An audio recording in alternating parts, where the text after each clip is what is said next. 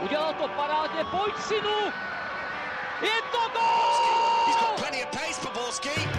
And can he find the finish?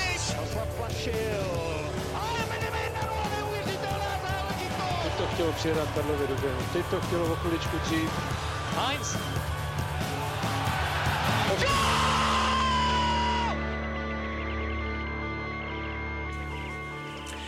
Dobrý den, měsíc volna utekl jako voda a my doufáme, že jste si od nás pořádně odpočinuli. A hlavně pak od Pavlova smíchu, protože my poslušně hlásíme, vítejte u nového dílu Fotbal Focus podcastu. Tentokrát se zaměříme zejména na dění ve Slávy a odchody zkušených tváří, novou etapu baníku a taky kontroverze v Sigmě Olmouc. A na to všechno je tu s námi bývalý brankář a nyní trenér Dominik Rodinger. Ahoj. Dobrý den, ahoj. Barvy fotbal klubu hájí tradičně Karel Herring. Ahoj. Ahoj. A chybět nemůže Pavel Jahoda z webu Sport.cz. Ahoj. Od mikrofonu zdraví Ondřej Nováček. Tak pojďme začít u jasného lídra podzimu a tím Slávě. Eh, Ten zatím spíše než velké příchody hlásí výrazné odchody. Dominiku kádr Slávě přes zimu opustili dvě zkušené opory. Eh, Tou první byl Milan Škoda, tou druhou Josef Hušbauer. Eh, Zaskočilo tě to, nebo jsi to očekával, tenhle krok? Asi ne úplně zaskočilo, ale samozřejmě, co se týče třeba takového Milana Škody, jak si myslím, že že takovýhle hráč v lize moc není, že by třeba té slávě ještě jako mohl chybět. Takže u něj jsem spíš si myslel, že, že zůstane. A co se týče Pepi Hušbauera, tak eh, já si myslím, že pro něj, i když někdo řekne, že to je třeba druhá, druhá německá liga, tak je to pro něj jako perfektní angažmá, má to tady hodinu a půl domů, chodí tam spousta diváků a furt se bavíme o prostě o druhý Bundeslize, kde prostě chodí 25-30 tisíc diváků a vidíme po posledním zápase Milana Škody, kdy dá prostě dvě branky, tak asi pro ani jednoho to není cesta nebo krok zpět teďka, protože Slávě stejně tenhle půl rok bude hrát jenom ligu, takže myslím si, že pro dva obrovská zkušenost a já si myslím, že to má i takovým svým způsobem trošku za odměnu. Já jsem to úplně nečekal, že to bude takhle razantní, že se na začátku přípravy dozvíme fakt, že Milan Škoda ani Josef Hušbauer nepojedou ani na soustředění na to kondiční a mají si hledat angažmá, nebo respektive eh, je to signál, aby si hledali angažmá, nebo aby byli dostupní, ale faktem je, že pro mě je to ideální čas, kdy oba mají odejít, protože ten polštář je velký, jak už tady zmínil Dominik nebo ty Ondro, plus vidíme, kolik zbývá zápasů Slávy do konce sezóny, což je nějakých 15 duelů. A pro mě by jaro mělo být eh, částí sezóny, kdy Slávě může zabudovávat nové hráče, ať už je to Oscar, může zkoušet mladé hráče, co jsou teďka v Bčku, kteří teďka trénují ze Sláví na soustředění. Neříkám, že to bude velké, velké procento zápasů, ale můžou pomalu být zabudovávání mladší, mladší ročníky a v tomhle já vidím cestu a dokonce bych řekl, že by bylo pro Milana Škodu i Josefa Hušbauera nezasloužené, kdyby třeba měli sedět půl té jarní sezóny jenom na lavičce a naskakovat na 10 minut, takže já v tom vidím takovou win-win situaci pro obě strany. Ti kluci si splní nějaký, řekněme, sen v odchodu do zahraničí a Slávy se uvolní prostor kde tady jsou zprávy o tom, že jednička by měl být Stanislav Tecel, takže já si myslím, že i pro něj to může být psychická spruha, takový ten signál, jo, teďka budeš mít půl roku na to, abys nám ukázal, že máš tu formu jako před tím zraněním. Zároveň to samé platí prostřed zálohy, kde přišel Oscar, eh, Petr Ševčík dostane větší prostor a já v tom vidím jenom pozitiva pro Slávy. Škoda zamířil do Turecka zadarmo, už Bauer do Drážďan na hostování s potenciální obcí. Není to, Karle, přece jenom trochu málo za tak výrazné dnes už bývalé tváře Slávie? Jako, jestli myslíš z pohledu to, těch destinací, kam šli, tak já jsem nad tím přemýšlel, nevím, jestli úplně u Milana Škody, jestli to můžeme být, říct, že to je sen, jako, když si říkal, že jasný. splnit sen, protože... Já jsem myslel jako zahraniční angažmá, víš. Jako, jako tohle, to jsem to chtěl jenom zlehčit, ale já když jsem přemýšlel, vlastně, když to vezmeme reálně, jo, souhlasím s tím, co řekl na úvod Dominik hnedka ohledně Milana Škody. Když jsme viděli jeho závěr podzimu v Lize, tak je vidět, že on prostě ty góly ty góly střílet umí, že má pořád nějak na tu naši ligu prostě by ty schopnosti, schopnosti měl, ale pak když si vlastně vezmeme, který klub při jeho, při jeho věku by ho mohl, nebo do jaké ligy by mohl jít, tak je v podstatě to Turecko jedna jako by z mála variant, protože se nebudeme se bavit o to pětce, nebudeme se bavit o Belgii, Nizozemsku, kde dávají velký důraz na mladé hráče a tak dále. A pak už se musíte dívat směrem, e, směrem na východ, protože tam samozřejmě zase musí být nějaké peníze na plat, že jo, který nebyl e, v případě Milana Škody, nevydělával málo ve Slávii. Že jo.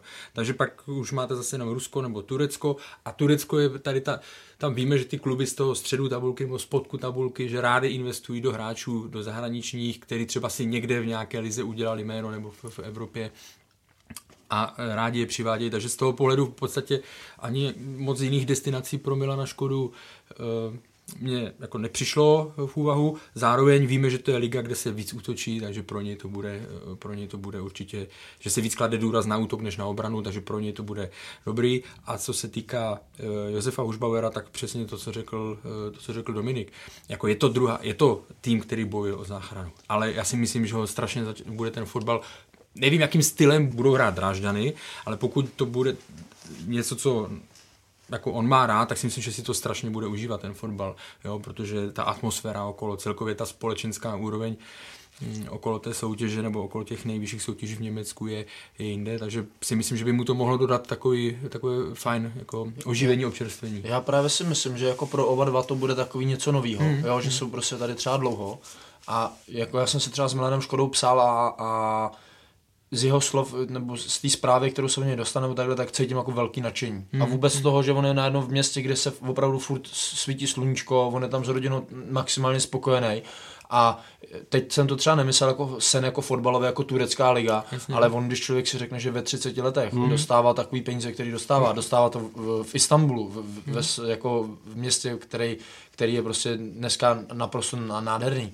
A ještě k tomu jestli bude hrát základní cesta, bude dávat góly, hmm. tak pro něj v tuhle tu chvíli řeknu, že to je snový hmm. angažmá. Jo, jako co se týká, eh, vlastně i Tomáš si vlastně byl spokojený v Turecku, šel do Izraele, že jo, tam taky vydrželi s rodinou uh, dlouho, takže... Jako, jako... Myslím si, že tyhle ty kluci už jako hodně uvažují i na tou rodinou, jo, kdyby mu bylo 25 nebo 23, byl by bez rodiny, tak ne, neříkám, že by třeba na to třeba, ne, nechci říct nějakým způsobem tlačil nebo takhle, ale i takhle si myslím, že on má v sobě hmm. jakoby takovou tu fajfku, hele, splním i té rodině. Že... Ale zároveň vzít rodinu vlastně v tomhle, jako, jo, protože jak říkáš, kdyby to byla mladší rodina, nebo se jim narodili děti až tam, tak je to, je to jako mnohem jednodušší vzít vlastně rodinu a přestěhovat si do, eh, do Turecka, to taky je zase jako je za oci stojí za, ne pochvalu, jak to říct, ale, ale prostě, jak se bavíme často o té komfortní zóně, tak se z ní, z ní vystoupil. Není to jednoduché si říct z jedné na den, vezmu rodinu a, a jdu tam, jo, takže jako oba dva oba dva,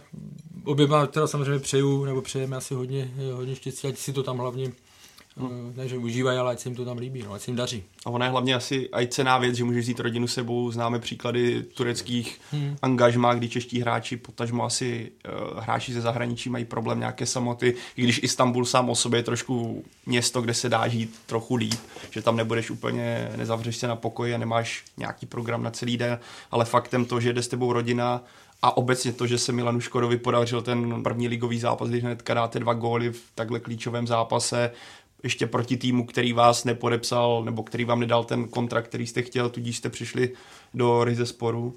Pro mě jako snové angažmá, když jsem teďka četl bez, bez frází článek o Tomáši Junovi, který právě říkal, mm, mm. že se tam změnilo prostředí a Turci mají buď vás zbožňují nebo vás odepíší, tak mi přijde, že Milan Škoda v tomhle směru nakročil úplně ideálně, že on těmi dvěma góly si může vystřelit právě do té kategorie útočník číslo jedna, kterého ty fanoušci budou žrát a pro ně je to obrovská odměna. I to, že najednou jste možná útočník číslo jedna, já to tak jako cítím na tom startu, to angažmá, že má, zase je to... Tam je jediná nevýhoda, že tam se to může ze dne na den změnit, no, jo, tak. tam přijde jiný majitel a tak dále, ale tak...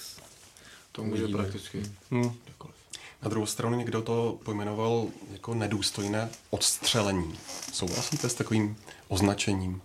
Za mě jako to není, není jako nějaký nedůstojný odstřelení, protože výborně to řekl Pavel, že jako ona nebyla lepší doba než hmm, pro ty kluky, než odejít teďka. Jo, opravdu ta Slávě si myslím, že zase je, je vidět skvělá práce pana Nezmara a i, i prostě realizačního týmu, kde prostě oni si to vyhodnotí, že fakt je teďka ten čas prostě dát šanci těm klukům, ať hmm. už je to celý Jusuf a nebo další mladší hráči a, a za mě prostě samozřejmě jde o to, jak to s těma klukama třeba bylo vykomunikováno, jestli to bylo vykomunikováno tak, že kluci, hele, eh, jdeme do té sezóny takhle, takhle, připravte se na to, tak pro ty kluky to nějakým způsobem může to vypadat na venek, že přesně eh, Škoda Hušbauer s náma na soustředění, ale tomu nevěřím, že by ten tým nebo že by ten klub s nima v tomhle měřítku jako nemluvil s nima takhle. Myslím si, že na to nějakým způsobem připravil dlouho dopředu a ty kluci o tom věděli.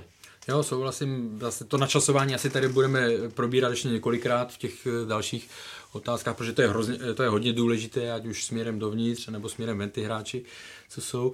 Ale jo, jako neznáme detaily, ale zase víme, jakým způsobem eh, Jan Nezmar třeba jedná. Jo? Víme, že, víme, že to pro ně taky určitě nebylo jednoduché, protože musel vzít na sebe tu, tu roli toho, kdo zejména v případě Milana Škody, to je legenda v očích fanoušků, takže eh, co vím, tak vlastně Jaroslav Tvrdík eh, ten spíš preferoval variantu, aby, eh, aby zůstal, jo, Milan Škoda, takže tam to taky asi nebylo je, je, jakoby jednoduché v tom, jak ty náhledy na tu, na tu situaci ve, ve vedení, ale, ale trenéři si myslím, že v tomhle asi se rozhodli, tak jak to tady řekli už kluci, že se rozhodli, nevím jestli správně, ale naprosto logicky.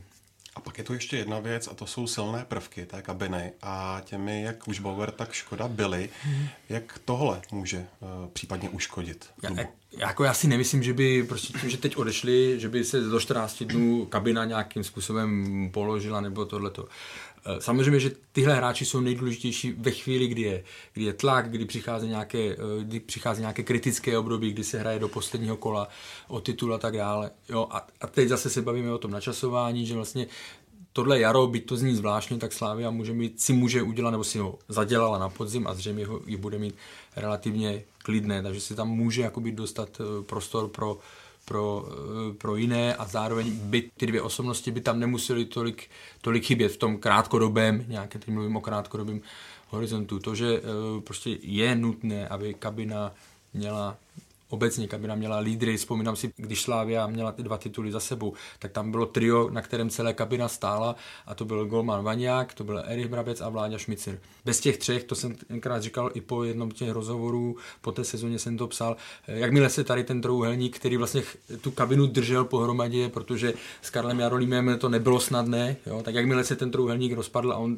se jim tam pak nějak rozpadl, že, tak i ta kabina potom se to samozřejmě na tom podepsalo. Takže jako určitě je důležité eh, Eh, ta hierarchie. Tady zase, řekl bych, zase správný čas. Ono by se, kdyby tihle hráči odešli v horší době, jak tady zmínil Karel, eh, tak by to mohlo tu kabinu narušit a v těch problémových chvílích by to najednou mohlo být znát. Zase máte polštář, je ta větší pohoda, ale zároveň si myslím, že by to mohlo nějakou dobu být znát. Si pamatuju, když jsem hrával, tak jednu dobu byl, jsem zažil kabinu s Ríšou Dostálkem a to byla prostě persona, která byla cítit. Bylo vidět jaká, právě ta hierarchie, ta atmosféra v té kabině je a on je právě na tom vršku, kdy k němu zlíží. A on během té zimní přípravy odešel, někam jinam nevím, jestli už trénovat nebo šel hrát jinam v té době.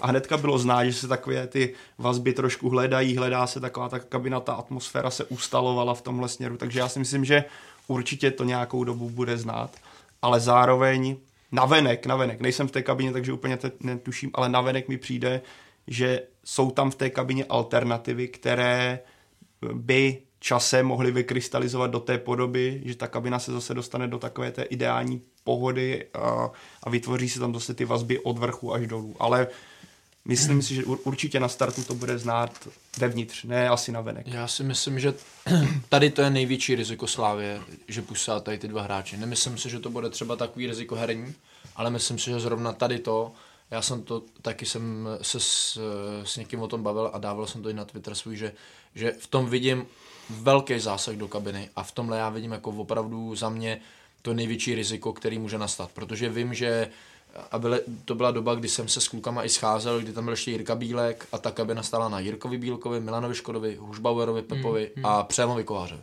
A dneska v té kabině je Přema Kovář sám. Sám to neutáhne, to si myslím, že prostě to nejde. A teďka se nebavme o tom jenom, že to je hecování před zápasem, že to je disciplína tréninku, ale ono to je x dalších věcí. Ono to je e, bavení se s vedením o prémiích, bavení se s vedením o dalších věcech, jak ten, e, ta kabina funguje, jestli, hmm. jestli je to tak dobrý nebo tak dobrý. A já třeba úplně nebudu s tebou souhlasit, já si myslím, že teďka ty kluci, který tam jsou, tak tam úplně právě jakoby ty lídry, ty kabiny jakoby nevidím takový ty opravdový lídry. Mm-hmm. Protože Milana Škodu znám od svých 11 let, kdy jsme spolu hráli prostě 5 let, kdy mi hrál stopera přede mnou a vím, jaký ten kluk je charakterově. Jirku Bílka znám taky strašně dlouho, Přemu Kovaře strašně dlouho, Pepu Užbaura moc neznám, ale u tady těch tří kluků musím jako garantovat to, že jsou to čistý kluci, hmm. který vždycky šli opravdu a když se jim něco nelíbilo, tak šli nahoru za vedením a řekli jim to. Nevím, jestli v té kabině teďka jsou jakoby kluci, kteří by to dokázali, a ně, někdo třeba říkal, že by to mohl být jako Bořil, že by to mohl být, já, já nevím, třeba a podle mě Ondra Kudela, víš, jako takhle. Ondra Kudela, jo, ale Ondra Kudela je pro mě hrozně hodný kluk a on hrozně rád. a když i s ním vidím nějaký rozhovor, tak mi to přijde, že on je nerad jako mm. dělá, že jo, tiší typ, že nechce dělat nějaký jako rozhovor a Bořa je zase takový jako hodně velký vtipálek, jo, a ten, ten Milan Škoda, eh, Hužby a tyhle sice byly vtipálkové, ale dokázali bouchnout do stolu říct, hoši, teďka bacha, je, je nějaký problém, je potřeba to řešit a vyřešili se to hmm. sami. Jako já to určitě eh, nepodceňuju, nebo já jsem to i v té druhé části své odpovědi říkal, jako, že to je velmi důležitý pro fungování klubu nebo respektive kabiny, jo. Co si ale myslím, že teď Slávia právě, nemu, že to nemusí být teď tak znát, protože není v té situaci, kdyby, mo, kdyby jí čekali nějaké kritické, kritické body. Takže oni zase, jakoby ten půl rok může se ukázat, jakým způsobem pořád víme, že prostě lídrem se člověk nestane, že, že skončí jeden hmm. týden, jo, neděle a v pondělí je lídrem, jo, že to je prostě dlouhodobý proces. Jo. Ale že je i půl rok na to, aby se tam ukázalo nějaké, jestli tam má někdo potenciál to převzít a tak dále. No. Na tohle jsem hodně zvědavý, to musím mm, říct, že fakt na tenhle půl rok vlastně se těším možná na to víc, než na to, jak Slávě bude hrát, jako kdo převezme tady ty role. Pavel už to trochu nakousl, společně s Užbauerem na jarní část opustil kádr sešívaných ze středu hřiště taky Jakub Hromada. Přišli naopak Oskar a Patrik Helebrant. Eh, kdo z nich by měl zaujmout to místo Užbauera, Karle? Techničtěji, kreativnější je určitě Helebrant. Jo. Ale e, tam pořád je několik eh, různých, ale já si nemyslím, že v tuhle fázi je on prostě připravený na, eh, na slávy. Eh, vezme, vezměme si, že on na první, v první polovině podzimu ani na Slovácku nehrával, vyšel mu až ten závěr. Jo, pro mě je tam několik, ale já to vidím přes tu, který může být buď totální jako hod, jo, že prostě mm. se to podaří a bude to, bude to trefa, protože lidi, co ho sledují, co s ním pracovali nebo co vidí, tak říká, že fotbalově je to opravdu jako vynikající hráč, že fotbal je tohle. Ale jsou tam, jsou tam eh, několik je tam mínusů od, eh, prostě měl problémy s fyzickou, jako eh, vydržel vždycky tak 60 minut, 50 minut, s tím měl problémy. Ještě asi není dostatečně řekněme, jako dos, dospělý, vyspělý, nebo vyspělý, jo. A takže tam si myslím, že Druhá věc je, a to už jako dávám stranou, to, ta suma, eh, kterou Slavia zaplatila za hráče, kterému končí za půl roku smlouva, jo? ale to je, to je druhá věc. Ale, takže herně, ale nemyslím si, že by na to měl už teď eh, na jaře. Sám, sám budu na to, sám budu na to zdravý, je možný, že odejde, že někam, nevím, jestli bude, jestli bude hostovat. Co se týká Oscara, na ně jsem taky zvědavý, ten si myslím, že si do toho herně jako uh, hodit, uh, horně se hodit může, protože je to fyzicky velmi, uh, velmi dobře jako vybavený hráč, že oběhal toho v Liberci hodně, vyhrával, získával míče. Jediný, co on si musí dávat bacha, určitě je disciplína, protože on strašně snadno se nechával strašně snadno se nechával Oliver si třeba vypro, uh, vy, mm. jako vyprovokovat, vyhecovat, že, že pak dostával zbytečné žluté karty. Takže tam si myslím, že v tomhle se lepší, ale strašně se na ní uh, těším, jsem zvědavý, jak uh, se mu podaří tam zapadnout. Pro mě jako případ Helebrand je skvělé, že on, on ze Sláví teďka je, absolvuje celé mm. soustředění, co se týče fyzičky, absolvuje asi největší pravděpodobností i herní soustředění, což mu myslím do jara dá za prvé obrovskou motivaci, protože uvidí, jak to na Slávě funguje, eh, jak fungují hráči, kteří pracují pod nejlepším trenérem ligy, ale zároveň si myslím, že Slávě ho musí pustit na jaro někam jinam, kde bude hrát ideálně asi do Slovácka zpět, pokud o něj bude mít trenér Svědík zájem a bude ho hrát, protože já pro něj nevidím současnosti místo v těch, a zase se vrátíme k tomu, že Slávě má strašně málo zápasů pro to jaro a hmm když se podíváme, že tam Stančus, Ševčík, Traore, teďka přibyl Oscar, je tam pořád souček, i když uvidíme, jak to s ním bude nadále, ale stále to, ten střed hřiště je tak našlapaný, že v jeho věku 20 letech on potřebuje hrát pravidelně, aby potom se mohl, aby z něho Slávě mohla těžit. Nevidím v tom cestu, aby on tady půl roku seděl na lavičce Slávě s, přídavkem to, co řekl přesně Karel. Když se podíváme na ten podzim, kdy on ve Slovácku neodehrál zase tolik zápasů. On potřebuje hrát, hrát, hrát, aby potom Slávii mohl dát ten bonus. Protože jinak jako nevidím tu cestu, aby seděl ve Slávii a střebával tréninky. Toho myslím, že měl ve Slovácku teďka už dost. Za to místo Škody do útoku nikdo nepřišel, navíc ze Slávy došel na hostování Dominiku i eh, Mick van Buren do Hágu. Takže Slávia má prakticky teď eh, dva útočníky, Stanislava Tecla, který by měl být podle slov Jindřicha Trpišovského jedničkou, a pak Jusufa Hilála. A ten prýmá díky té své gólové dosavadní nepotenci nůž na krku. E, není to chyba, že má Slávě Není to málo, Antone Pavloviči. tak, děkuji, Karle. No. Tak co se týče, co se týče Teclika nebo Tecla, tak eh, pro mě klasický breakový hráč. Není to úplně klasický hráč, kdy, kdy Slávě bude hrát do plných a on to tam bude srážet hlavou do, do, do, do kasy. Takový spíš si myslím, že typ, nebo trošku se Slávě asi modlí v to, aby to byl Jusuf, ale u něj to taky tak nevidím. Pro mě on je spíš taky takový jako šikovný na míči, mm, jo, mm, ry, rychlejší na to, jak je vysoký, do kombinace, jo, takže, takže svým způsobem jsem zase zvědavý na to, jak Slávě e, bude reagovat na to, když ten zápas někdo proti ní zaleze a jakým způsobem, kdo, kdo, kdo tam bude dělat tu černou práci. Ale mě, mě teda nejvíc překvapuje zatím, kdo v té Slávě není, a to je Matoušek. Jako za mě to je, někde se stala nějaká chyba, mi přijde, a dneska se bavíme o Helebrantovi hmm, hmm. a aby jsme se o něm nebavili za půl roku nebo za rok úplně stejně jako o Matouškovi, protože Slávě prakticky si ho koupila za obrovský peníze a dneska je to rok, no. co už tam, nebo půl roku, co tam ne, není, abych no, nekecal. Je v, Jab- v Jablonci, je v Jablonci, předtím, předtím, předtím končil příbramy. příbramy končil. jo, takže Slavě využívala jenom v, vlastně v Evropské lize, no. kde hrál dobře, ale ještě nehrál ani na svém postu. Mm-hmm. Jo, takže tam si říkám, že je něco špatně, že něco se mi tam úplně nelíbí a mám trošku strach, aby se tohle nestalo s tím Helebrantem.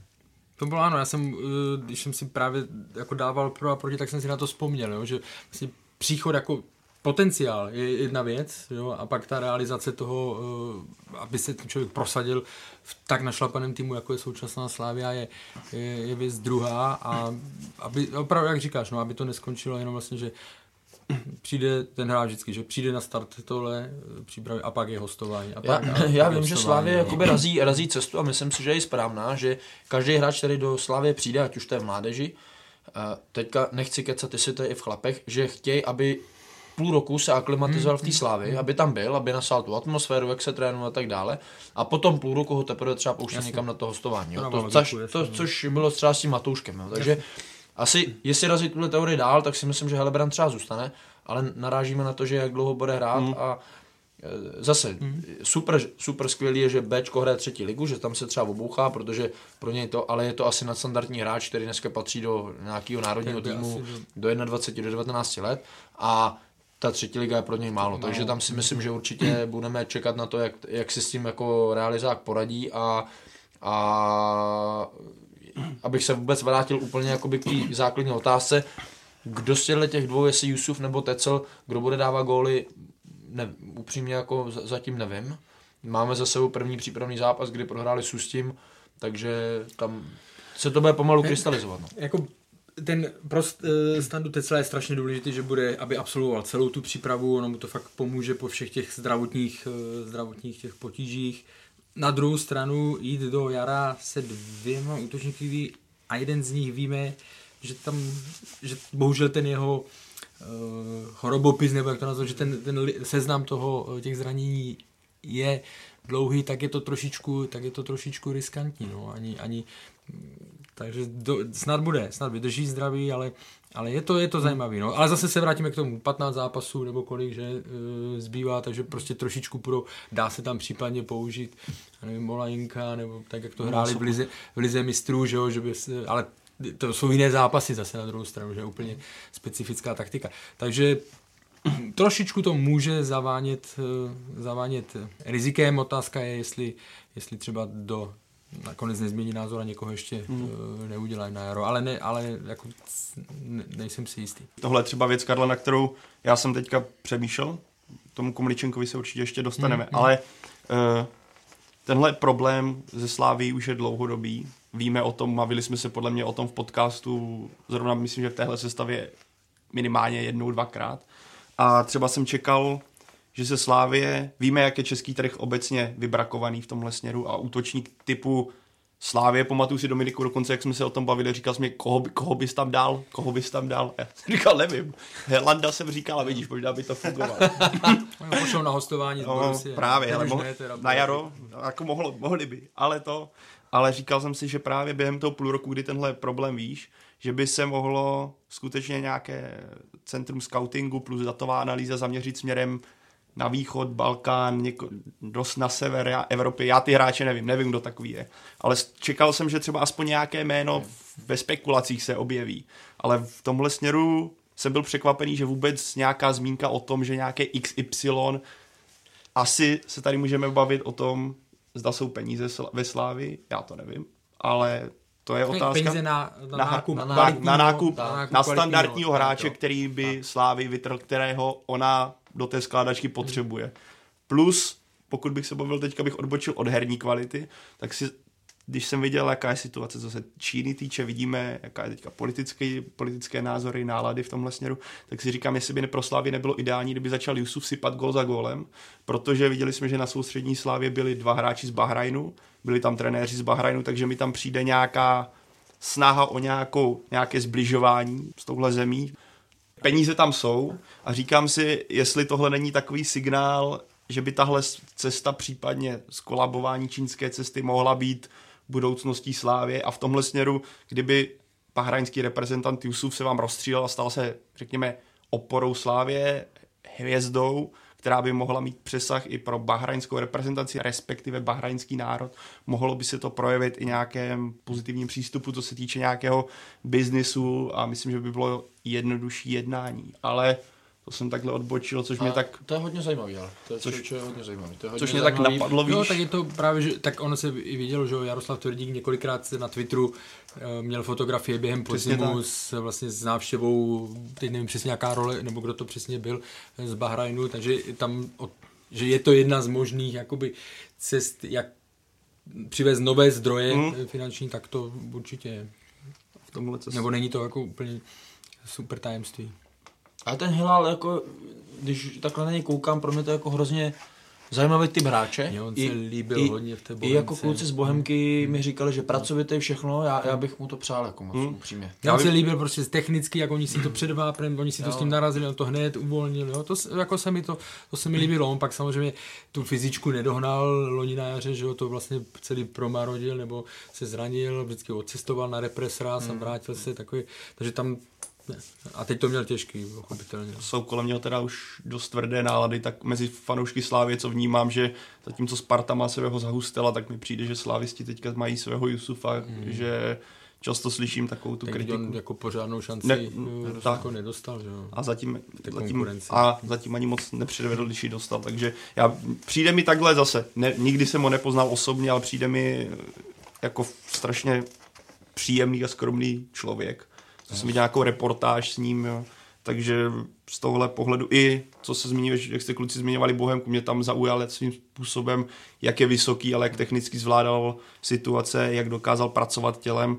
Takže já věřím, že když on se dostane do nějakého laufu, mohl by pro Slávy být výhrou. Ale je tady plno ale, které se zatím spíš platí, ale než ale já vždycky říkám, že hodnoťme hráče až po půl roce. Mm. No, proto ta Slávě tak půl mm. rok má. Myslím si, že opravdu teďka má před sebou jako velkou šanci a jestli bude dostávat prostor, tak je to jenom na něm. A já, já jako fakt držím mu palce, protože já bych mu to hrozně přál. Mm. Navíc absolvoval celé soustřední, no. teďka jestli se nepletu, což jo, jo, jo. V, té, v nějakém kondičním deficitu, o kterém se často mluvilo, by mohl, mohla být výhra. Tak eh, když jste zmínili Nikolaj Komličenka, tak pojďme na něj. Hmm, proč myslíš, Karle, že ten přestup uh, zatím nevyšel, nebo spíš dával by ti hmm. smysl?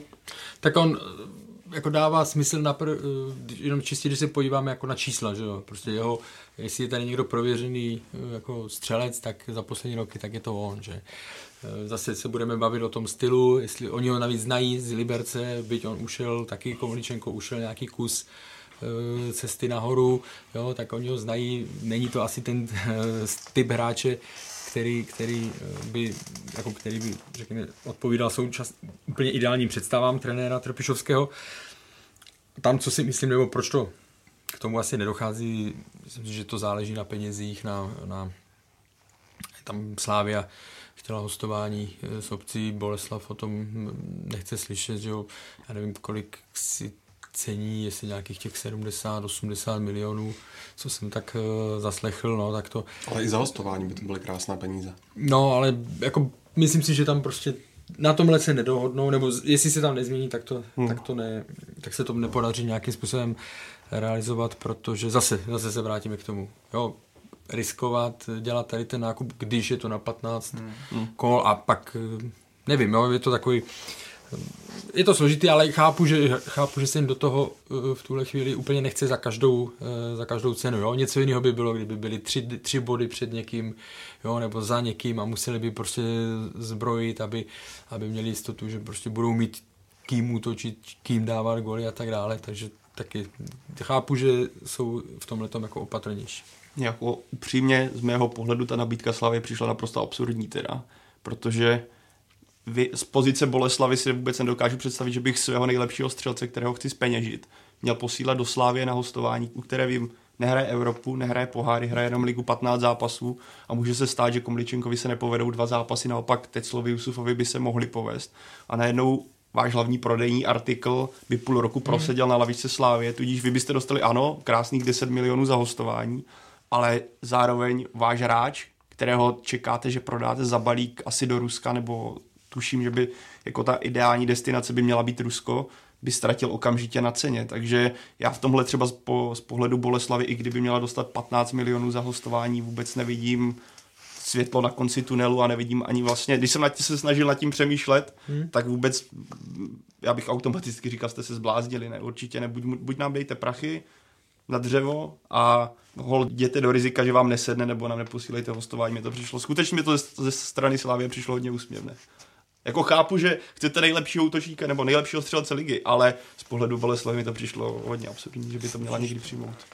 Tam je ad, ad jedna si myslím je ten, že zase když budu čerpat z nějakých rozhovorů mhm. dřívějších mm. o Komlečenkovi, tak na jeho adresu se vlastně nevyjadřoval dobře, co se týče tréninkové morálky a tak dále, ani jeden jeho spoluhráč z Liberce, kde spolu byl. Mm. Jo.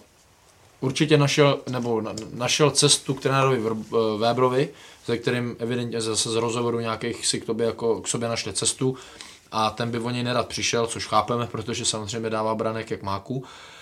A kdyby to bylo to pravý ořechový, tak to Slávě do toho půjde. půjde. Mm. Ale myslím si, že to je třeba 60 na 40 mm. a pokud to není, pokud si myslím, že pan Nezmar není 100% o čem přesvědčený, tak to neudělá. A pak je tu ještě jedno jméno a to je stoper David Zima. Proč o něj Jindřich Trpišovský tak usiluje? Já jsem rozhazoval sítě kvůli tomuhle, protože jsem, já o Davidu Zimovi upřímně nic moc nevím, takže jsem se ptal proč. A co mi bylo řečeno, takže ho, že je to stoper v podstatě, že je to stoper budoucnosti, respektive, že on je hráčem, který by Slávy mohl přinést uh, jistotu do středu obrany na nějakou delší dobu, protože je to hráč, který je strašně flegmatický, má to hlavě srovnané po stránce svých ambicí, že určitě je cílevědomý je, dokáže hrát s míčem výborný ve vzduchu, tím, jaký je pavouk, tak uh, je dobrý třeba do hry do rizika, že dokáže ti zastavit přihrávky, které víme, jak Slávě občas hraje na riziko se stopery, tak on v tom má výhodu, co se týče výšky a zároveň pohyblivosti, plus mluví se o jeho inteligenci jak herní, tak i mimo hřiště, co se týče normálního života, řekl bych. A v tomhle se Slávě v podstatě vzhlédla, tady v tomhle přístupu, který on má a na ten svůj věk, který je 19 let, je to asi, asi ideální volba, takže já se Slávě nedivím.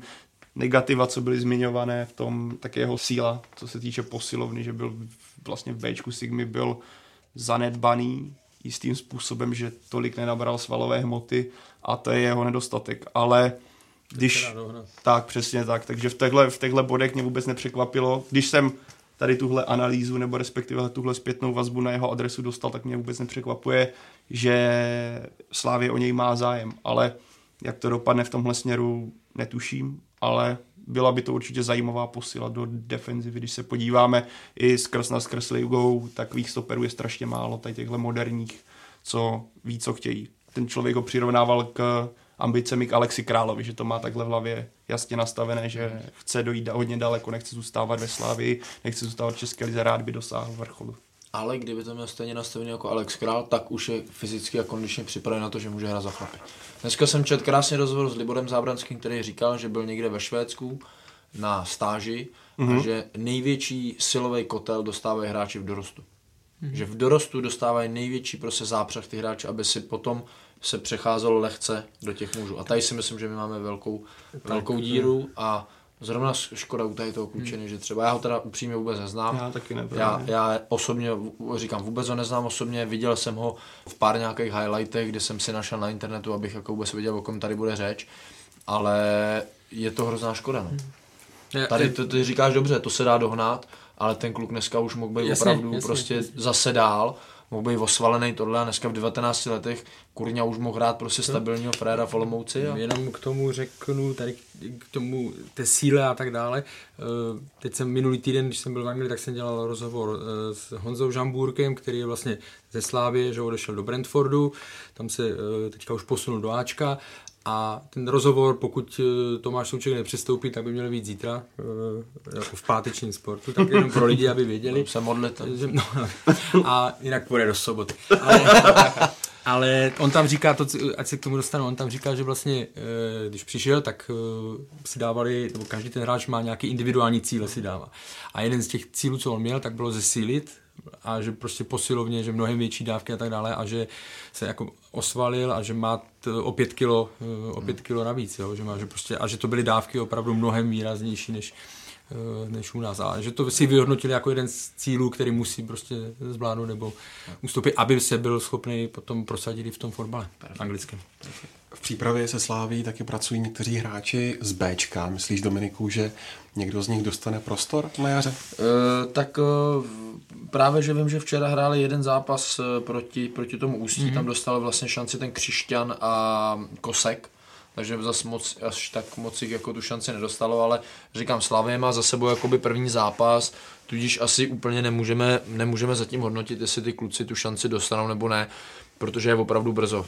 Zatím byly v nějaké fázi kondiční přípravy a teprve teď se to láme do nějaký té herní, myslím si, že jak je dlouho do začátku přípravy, tři nebo uh, mistráků, tři týdny? Tak, tak tři, v polovině. Jo, tři týdny řekněme, takže teď si myslím, že se to teprve začne lámat a a zase, kdy, museli bychom se vrátit úplně se na začátek, že kdy jindy, než ne, když ne teď, jo, tam ať už je eh, jde o tady ty mladý kluky, nebo právě, ne, ne, nebo ty kluky, kteří třeba byli po zranění, tak si myslím, že Slavě má ideální čas těm klukům třeba tu šanci dát. A, a, ale je to, říkám, myslím si, že zase tolik úplně mladých hráčů to Slávě do té eh, do tý finálního kádru nepustí, bude s nima, budou s nima třeba trénovat tak, a tak, tak dále, ale, ale zase Slávě, dobře, mám dneska náskok 16 bodů, ale ne, zase Slávě si nemůže dovolit začít prohrávat jeden, jednou vyhrajem, po druhý remízujeme, po třetí vyhrajem, pak zase prohrajem. Jo, to si myslím, že Slávě tohleto ne, že nechce, hlavně kvůli lidem, e, jsou na nějaký jako fazóně, kterou si podle mě budou chtít jako udržet a prostě za Slávě budou hrát jenom ty, kteří na to mají. A jako když se podíváme, tak s výjimkou, a teď si neudělám chybu Alexe Krále, tak samozřejmě je vidět, že Slávia aby se udržela, dostala na tu úroveň, tak nehraje s, s, mladým, jako nějak, s mladým týmem, že jo.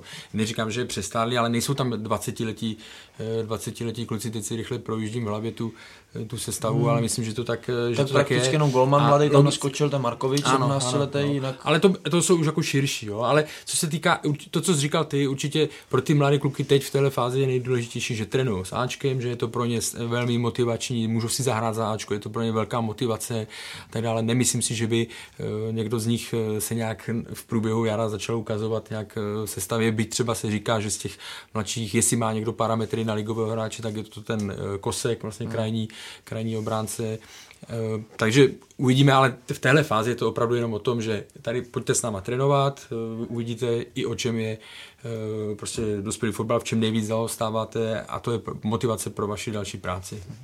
Jediná věc, co jsem slyšel, že Joao Filipe doletěl z Brazílie trošku zanedbaný po Vánocích, což pro něj musí být zase facka, že teďka z těch hráčů vůbec nebyl na lavičce, nevím, jak to, jestli ho vezmu na to herní soustředění.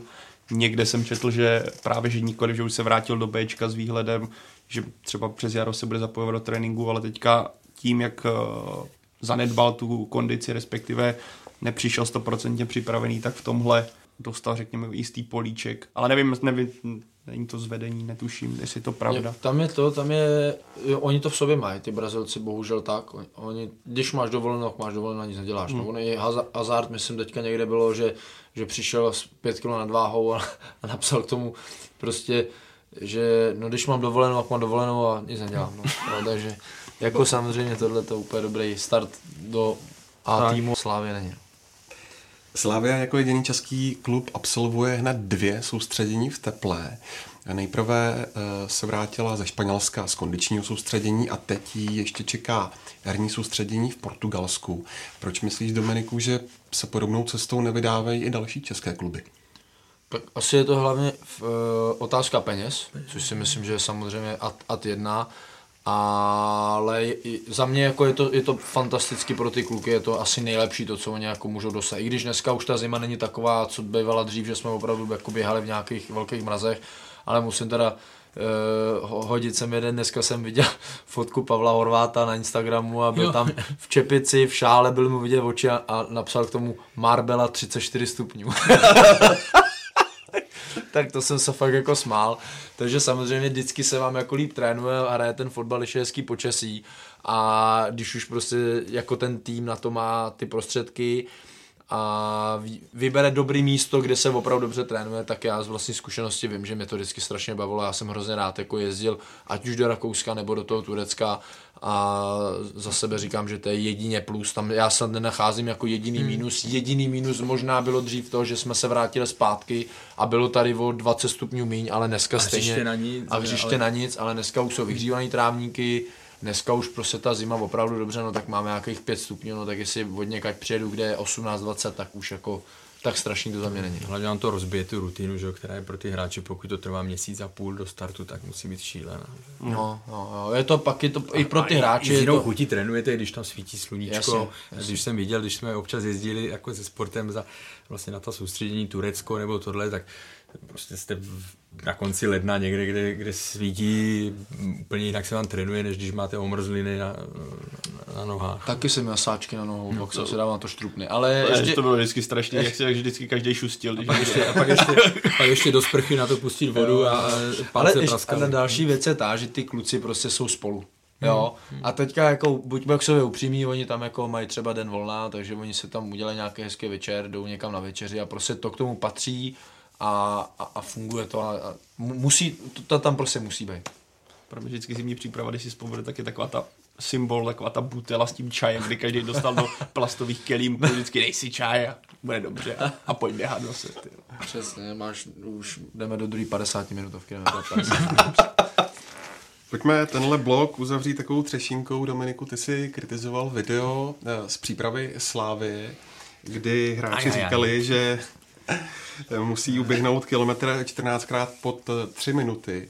Já musím, tomu říct? já musím poupravit, já jsem nekritizoval ten trénink. Já jsem kritizoval to, co jakoby vyšlo ve sportu, že prostě z videa, který natočil jako slavistický teďka PR oddělení, tak se, PR oddělal. Mediální PR, tak se prostě udělá článek do sportu, což jako mě jako osobně strašně naštvalo, protože a z toho z jediného důvodu, že prostě na tom videu je vidět, že ty kluci si z toho v úvozovkách trošku dělají legraci. Jestli někdo na to video koukal a měli by běhat 14 kilometr pod 3 minuty a dobíhal s úsměvem na tváři, tak já hmm. přijdu a normálně mu pogratuluju a řeknu, kámo, tak hele, zítra s tebou jedu na maraton, vsadím, v Bostonu. vsadím přesně v Bostonu, vsadím všechno, co mám, i když nic nemám, ale vsadím to a vyhráme, jo. Tak mě spíš vadilo jakoby to, že se třeba ten novinář nechal, já nevím, jestli teďka opít rohlíkem, anebo prostě, že ne, nezískáváme ty informace jiný, než z toho, že se podíváme na web Slávě a koukneme se na video. Dřív, já si myslím, že to bys měl říct ty, já si myslím, že dřív se jezdili novináři s týmama na soustředění a já být dneska v pozici Slávě, tak si zaplatím jednoho novináře, z, třeba z deníku Sport, ale vím, jaký oni mají spolu napjatý Ne, to- vztahy. Jenom abych jenom Jasně, jasně, lehce rychle tomu- dořekl, Mhm. tak, tak bych si ho vzal sebou a ať on nám třeba popíše ten tréninkový cyklus, který děláme. Samozřejmě, ať nepíše, protože každý trenér má svoje know-how. Tady v Čechách bohužel to je, je pro mě zase nepochopitelný, protože když se vrátím ho, k hokeji, že se to drží že jako všichni pod si pokličkou, to držíme pod to- ano, pokličkou. ano. Dneska, dneska někdo přijede na stáž, tamhle zase jsem čet v hokej, přijede do Švédska, do Kanady, vás vezmou za ruku a takhle vám všechno ukážou. Za, za cokoliv, co běháme, za, za jak dlouho prostě je- jezdíme, já nevím, bogny nebo něco, nebo ne, přijede nám to k fotbalu, prostě jak dlouho hrajeme pět na pět, jak dlouho hrajeme tři na a my tady furt prostě všechno jako tajíme. A mně to bylo jediné, co mi na tom prostě vadilo, že já prakticky si v Oslávii přečtu jenom to, že běhají a ne, já si nepřečtu nic jiného. My furt všichni běhají a já, teď jsem to tady říkal na začátku prostě toho, Já to říkám, ale toho, na začátku toho pořadu, jo. já už prostě mám, mně se ozvalo spousta lidí, ať už negativních, ať pozitivních, ale spousta kluků, který jako trenéra uh, pana Trpišovského prošli rukama a prostě řekli, hele, je to nesmysl. Možná to už třeba teďka běhají, protože na, nabírají jakoby ty čísla, ale mě spíš vadí to jako trenérovi nebo jako fanouškovi, že se nedozvím, že dělají něco jiného. Jak dlouho nacvičou pressing, repressing, jak dlouho dělají prostě cvičení s míčem, jak dlouho třeba dělají standardky, nebo jo, ať se jako dozvím se v té přípravě v celkový, jak kolik času věnují jakýkoliv činnosti a ne, že si přečtu prostě jednou za 14 dní. Wow, Slávě běhala 14krát kilometr pod 3 minuty. A teďka já mám okolo sebe x milion nebo x tisíc hráčů, kteří hrajou na x místech a píšou mi, hele, náš trenér miluje Trpišovskýho. A co, co myslíš, že jsme dělali první trénink? Že jsme běhali 14krát kilometr. No ale ne, neopodstat, prostě ani a jako těm klukům to nic nedá. Říkám, vůbec nedovolil bych si nikdy kritizovat trenéra Trpišovského. To jako pro mě je to, já chci jednou dosáhnout toho, čeho on. Já na něj budu koukat, já když budu mít šanci s ním někdy mluvit, tak na něj budu koukat s otevřenou pusou a budu mlčet, ať mi vypráví. Ale chtěl bych si prostě konečně o Slávě přečíst něco jiného, než jenom kolik uběhli, za jak, dlou- za jak dlouho a v jakýchkoliv hodnotách. No, já si myslím, že jsi to řekl naprosto, naprosto přesně. Já jenom na to navážu, to pro, samozřejmě ten trend eh, z toho běhání, že, který bylo tím, jako, tím hlavním takovým tématem toho, který se nesl tím podzimem, že jo, tak se to jako asi někdo to chtěl zase dál vy, využít, jako udělat joke nebo tohle. Ano. Co se týká těch novinářů obecně, samozřejmě ten klub nemůže jakoby platit, protože ten novinář by pak jel jakoby ve službách, eh, nebo nemělo by to tak být, protože by pak jel ve službách vlastně toho klubu, Mhm, jo, a, a už seš eh, mnohem jako omezenější v tom, co psát a tak co nepsat. Eh, Jenom eh, jako perličku, co jsem se dozvěděl, tak eh, když byl, jak jsme se tady bavili o tom tajnuskaření, jo, nebo tohle, tak když byl první zápas, když byl zápas v Baníku a eh, Michal, Michal Kvasnica vlastně dělal reportáž, kde popisoval nějaké pokyny nebo tohle, tak co mi pak někdo říkal, tak si všiml, že už mu u toho druhého zápasu, že už mu to nepovolili tam stát vedle té lavičky a nechali ho A mluvíš teď pod, eh, pod kozlem. Ano, pod kozlem, tak eh, ho nechali odvést někam jinam, aby prostě nevyzrazoval Co eh, pokyny z prvního přátelského zápasu Baníkem. To je úplně prostě, to jsme někde další- v roce 1961, Přesně. jo. A další věc ještě, kterou jako mě My nemáme co schovávat ve většině případů, jako jo, No. ale schováváme to. Jo. no. A ještě jedna věc, která mi na tom úplně jako hrozně vadila, na to jsem úplně opravdu jako alergický, nebo a jako dneska ta Slávě a pan Trpišovský si možná sami neuvědomují, jakou mají obrovskou hmm. moc hmm.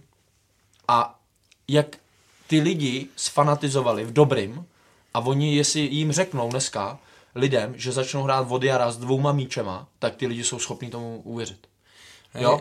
Jako, já, já, aby mě pochopili, já to jsem to nadnes maximálně, aby mě pochopili ty lidi, kteří třeba to teďka budou poslouchat, že dneska opravdu, a hlavně, aby se to dozvěděl ten pan Trpišovský, třeba jednou se to k němu jednou, ale že on opravdu má takovou moc dneska, že on řekne, že budeme běhat 18 km za dvě minuty a nechci říct 50%, ale možná víc procent lidí nebo trenérů to bude dělat, protože je dneska výkladní skříň fotbalu je Slávě. A my budeme všichni kopírovat Slávě, jako se bude kopírovat St. Louis v hokeji, jako se bude kopírovat tamhle, já nevím, v NBA tým, tak prostě všichni vždycky jdeme za tím, co vyhráli poslední titul a jakým způsobem jdou. To, že si bere člověk jako nějaký vzor z něčeho, nebo příklad, ano, ale nemůže to vzít a přenést, přenést do jo, z bodu A do bodu B, protože to prostě tak nefunguje. Každý ten vývoj, každý ty hráči jsou na něco jinak stavěný, prostě nemůžete to přenést na, na o, o, o nižší stupeň nebo o dva nižší uh, stupně jako tým, který hraje někde třetí ligu a tak dále. No. To se mi teďka líbilo vyjádření trenéra Guly z Plzně, který řekl, jak uh, zavedli vlastně na tréninky Plzně kamery a všechno se řeší úplně a říká, hele, my ty tréninky děláme individuálně, nemůžeš nasadit na toho nebo na tu hmm, skupinu hmm. hráčů takový cíl, takový cíl, někdo je starší, někdo má jinak je pohyblivý, jinak je výbušný a musíš to prostě přizpůsobovat jeden na no, druhého no, úplně zvlášť. A teďka to nenarážím na Slávy, ale jak zmiňuješ právě směrem dolů, protože kdo zažil někdy, já si myslím, že těch posluchačů bude plno, kdo právě, nebo řekl bych dokonce většina, drtivá, která právě zažila zimní přípravy, letní přípravy a já myslím, že velká část je právě ne individuálně, ale prostě dostaneš nějaký jako no, plán, který kde si vyšel z prvních lig, od, odkoukaný od Klopa, odkoukaný od Guardioli, odkoukaný od Trpišovského a jede se to, že jo. A mají ti kluci na to zničí, je to často to kluky zaprvé odradí, protože to nedáš, pobliješ se, natáhneš si svaly, pamatuju si jednu přípravu, kdy jsme dostali jako prvních, jako první trénink jsme dostali kopec takových jako 10x, 12x a potom jsem odjel na soustřední a odešly mě oba svaly jako mm-hmm. na stehnách, mhm. protože mm-hmm. to moje tělo nedalo a potom ty, nějaká výbušnost už mě to prostě odrovnala ty nohy, že jo, na 14 dní. A myslím si, že tohle zažilo plno lidí, kteří třeba ten prvotní elán chci klukům přidat to nejlepší. A tam jako vy, Jasně, ty trenéři to dělají v tom nejlepším zájmu. Tak, přesně tak. Ale ono... bohužel občas to není to nejlepší. Ještě, ještě teďka to bude hodně zajímat ty fanoušky, který milují, když tady řeknu, že trénují tempo, tak ty mě to nikdy nekritizovali. Ale ne, my, já odsaď jdu rovnou na trénink tempa a my dneska budeme běhat taky. Jo, kluci to ještě nevědí. Kolik, no já to řeknu, budeme běhat, budeme běhat 500, 300, 150 hmm. metrů, ale jdeme k té individualizaci. Já mám prostě rozdělený 500 metrů budou běhat střední záložníci, 300 metrů budou mi běhat krajní hráči a 150 metrů mi budou běhat hroťáci a stopeři a křídla. A mám to z důvodu toho, že prostě já ne, jako střední záložník potřebuji, aby naběhal, protože potřebuji v zápase, aby naběhal. A to jsme u té individualizace. Hmm. A já to budu dělat i na tom tempu. Protože prostě kurňa, až jednou mi, nedej bože, někdo zavolá a řekne mi, hele, mám tady pro tebe ne A třídu, ale divizi, tak já přece nelousknu prstem a neřeknu, je, yeah, no tak já teďka se změním a půjdu trénovat jinak. Já to prostě musím dělat, takže i ty lidi, kteří mi píšou, hele, ty pitomče, trénuj tempo a e, vůbec se nám tady ne, necpí do Sparty nebo do Slávě nebo do Bohemky nebo do koukle, do baníku, to je jedno, ale já to nevyprávím z toho důvodu, že jako se tím chci chlubit, ale že prostě dneska jsou trenéři, kteří se vzdělávají, mezi který si myslím, že jsem jakoby já, ale pak jsou prostě chlapy, který opravdu po práci, a já je v obdivu, mm. po práci musí vzít tašku, jet uh, Škodovkou na trénink a tam jim vyplivne 12 kluků, v dorostu teďka řeknu úplně jedno XY týmu a on si nemůže připravit trénink. On prostě řekne, hele hoši, Trpišovský to běhá, jdeme to běhat taky. Zkusíme. A on to nemyslí, on to nemyslí fakt hmm. špatně, on to myslí dobře, ale nic to těm klukům nedá. Pojďme se začít bavit o tom, nebo doufám, že se začne bavit o tom, jakým způsobem prostě ta Slávie drilluje to, že hraje tak, jak hraje. Já to chci vědět, já se to chci dozvědět, ale určitě to není tím, určitě Slávie nehraje dobře na balonu, že běhá 14 km za 3 minuty jsem přemýšlel, no, kolik to je. Já jsem měl v nejlepších eh, časech, tak jsem měl 400 za 59, to víc jsem, víc jsem nedal a ty tři kiláky teda No kilák, kilák po tři. No. Já, jsem, ne. já jsem nebyl, já jsem byl vytrvalec, ale sprint. Nejlepší, jako vím že, vím, že ten nejlepší maratonec, který trénoval, tak to běhal snad 15krát za 2,48 nebo 2,50. Jo, a běhal to v tréninku, nejlepší maratonec. Tak si představ teďka, furt ty kluci by měli hrát s míčem. Nic, pojďme radši od toho, nebo mě budou hejtovat. Tak jo. Budou, i tak. Budou, budou. A tak. Jdeme do, ne, pojďte do mě, dobrý, pojďte do mě. to bylo.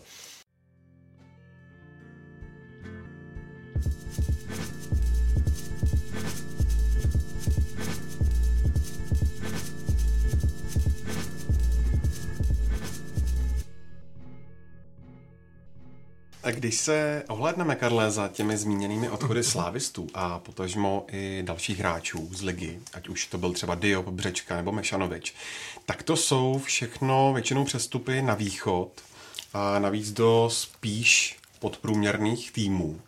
Vypovídá to o ničem? Jaký to je signál?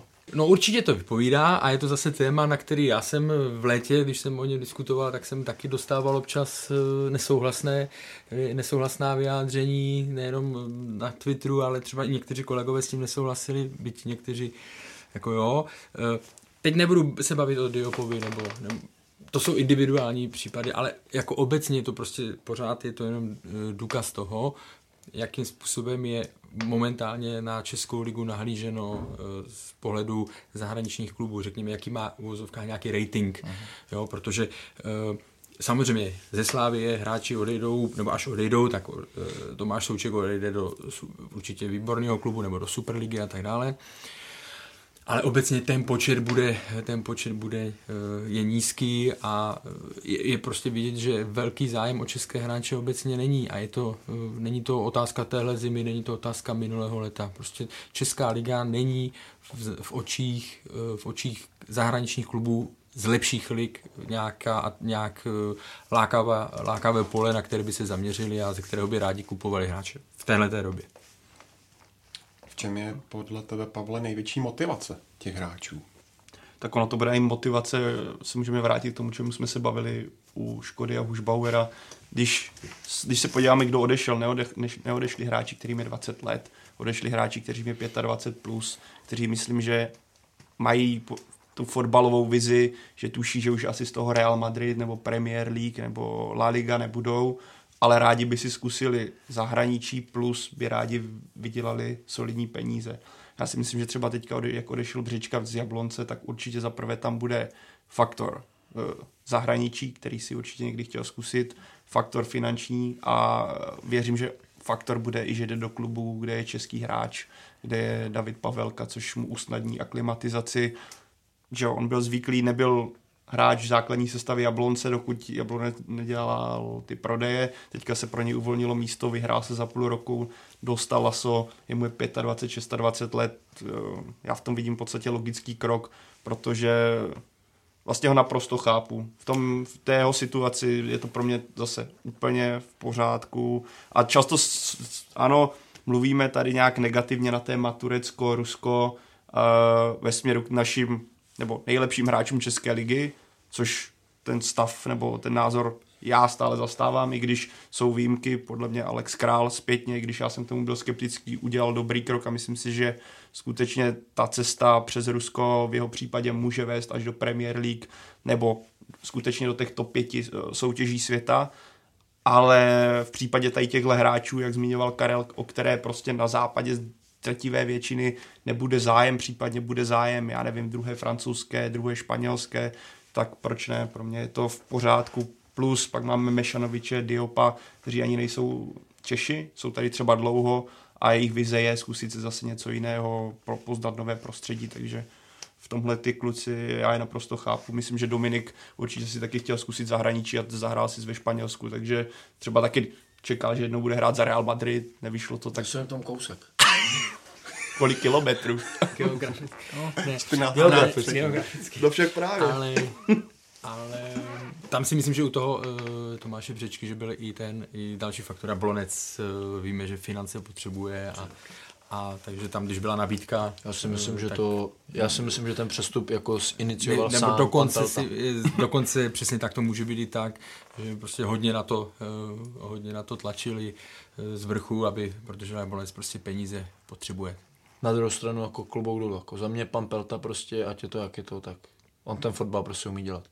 On vždycky jako nějaký prostě tu kačku prostě vydělá, vždycky nějakého hráče prodá a, a jako o tom zase... Jako ne, určitě si teď nemůžu vyskakovat, jsou na tom, to ne, na tom ale... tohle, ale ale právě, takže i proto si myslím, že byl, eh, že k tomu přestupu, přestupu došlo. Jo, určitě.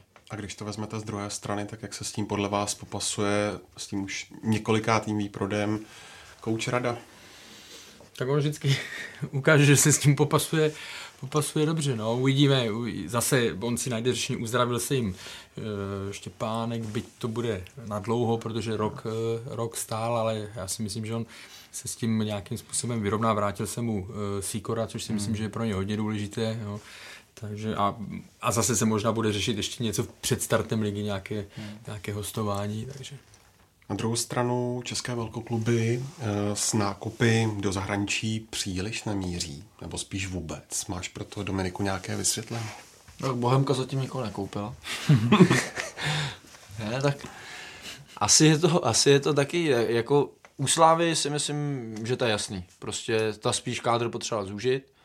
Sparta, eh, tam potřebuje kádr nějakým způsobem ustálit. Jestli by někoho koupila, tak by opravdu museli ušít někoho, že hele, to je on, tohle potřebujeme, to chceme. Eh, Baník, nový trenér, takže ten chce nejdřív podle mě voskoušet to, co tam má a pak možná se to teprve začne řešit. A pak, pak, je tam, pak je tam vlastně jako Boleslav Jablonec a to si myslím, že jako Boleslavi to funguje, tam si myslím, že není zapotřebí nějak dělat nějaký velký kroky a vždycky těch přestupů v zimě je méně než v létě. Mm.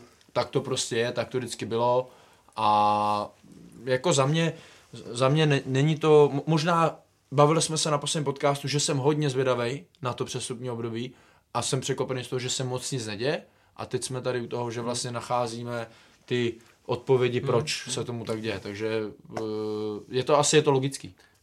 Teď ti zachráním, řekl z Plzeň? Plzeň jsem neřekl. No, vidíš, už, už bys tam dostal bídu, hmm. hele, za tohle. Už bys Plzeň jsem neřekl, ale to je zase tím, zase že tam šel nový trenér, stáhli si prakticky všechny hráče, takže dneska tam máš třeba 28 hráčů a ty týmy, jakoby, oni prakticky opravdu nepotřebují nakupovat nějakým přesně, způsobem přesně velkým, tak, velkým důvodem. Tak. Když se na to podíváte, tak je, to je přesně ono. A u Sparty třeba tam bylo úplně jasně cítit eh, z první tiskovky před sezóní, nebo před, jako po eh, začátku, na začátku zimní přípravy s Tomášem Rosickou, kdy jasně řekl, my máme nějakou, nějakou, nějaký materiál hráčský a my chceme v první řadě s ním pracovat. Hmm. Jo?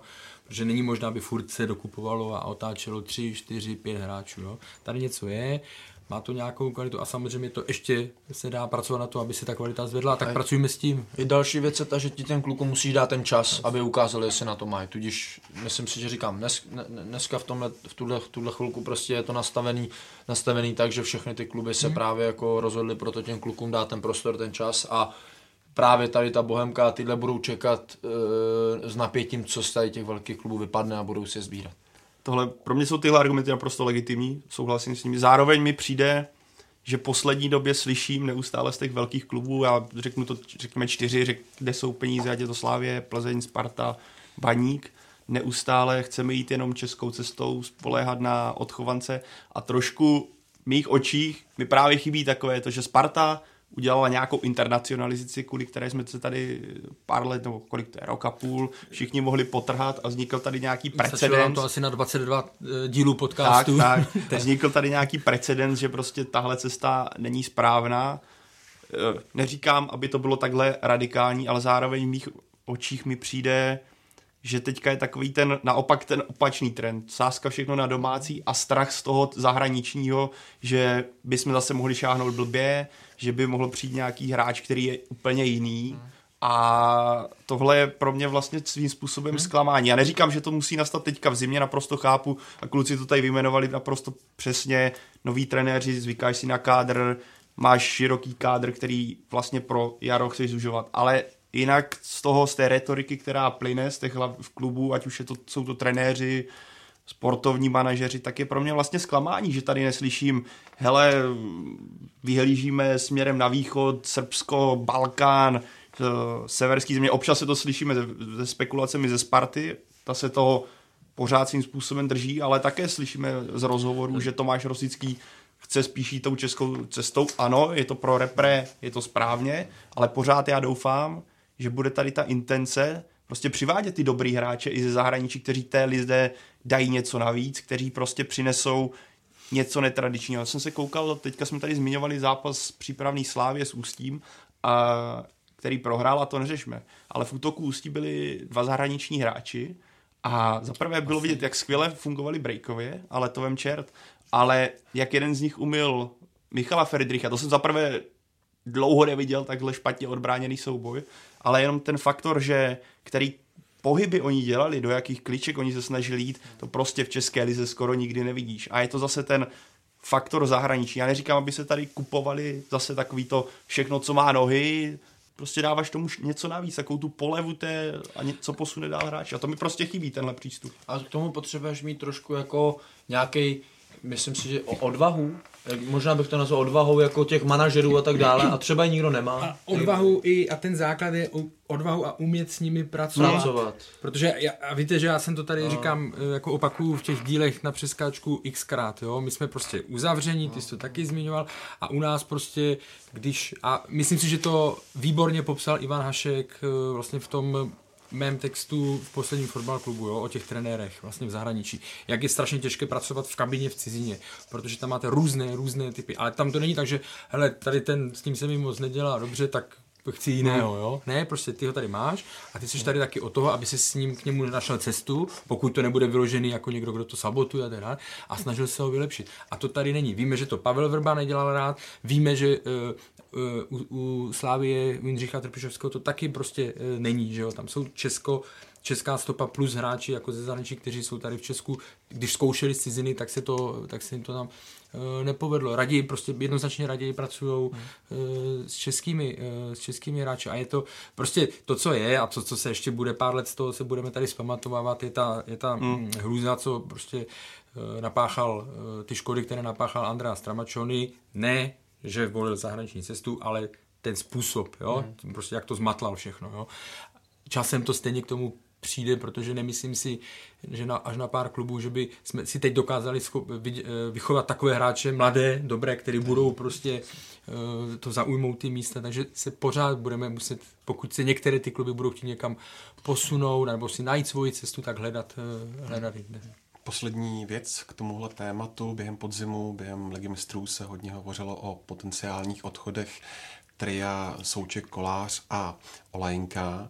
Eh, Co myslíš, Karle, že se eh, v tomhle změnilo, že je ticho po pěšině, i když se teď podle sportu eh, hovoří o tom, že Souček má nabídku Jasně. z Monaka. No, tak tam, asi, tam to je asi nejžhavější, že jo? protože tam je navíc jasně daná ta klauzule, ta výstupní těch 15 milionů, takže uh, myslím si, že uh, pokud už jsou na stole takové nabídky, jako je Monaco, objevilo se tam, myslím, Brighton ten tam. Brighton, byť to je tým, který bude bojovat na jaře o záchranu, ale prostě pokud se vám tam začne objevovat Monaco a tak dále, což jsou, tak je, a ještě Bergamo, že to je mm. už, už deal ve hře, tak to jsou věci, které které se budou velmi jako složitě odmítat, jo, a zároveň, ale pro mě to bylo strašné překvapení, že vlastně bylo ticho. Já prostě z Tomáše Součka nemám pocit, že by nějak se uh, spěchal uh, nebo hrnul do té, uh, do té ciziny, jo, že neříkám, že má strach, ale, ale víte, jak to je někdo prostě v téhle fázi, hráči v téhle fázi, když se dostali do téhle fáze kariéry, tak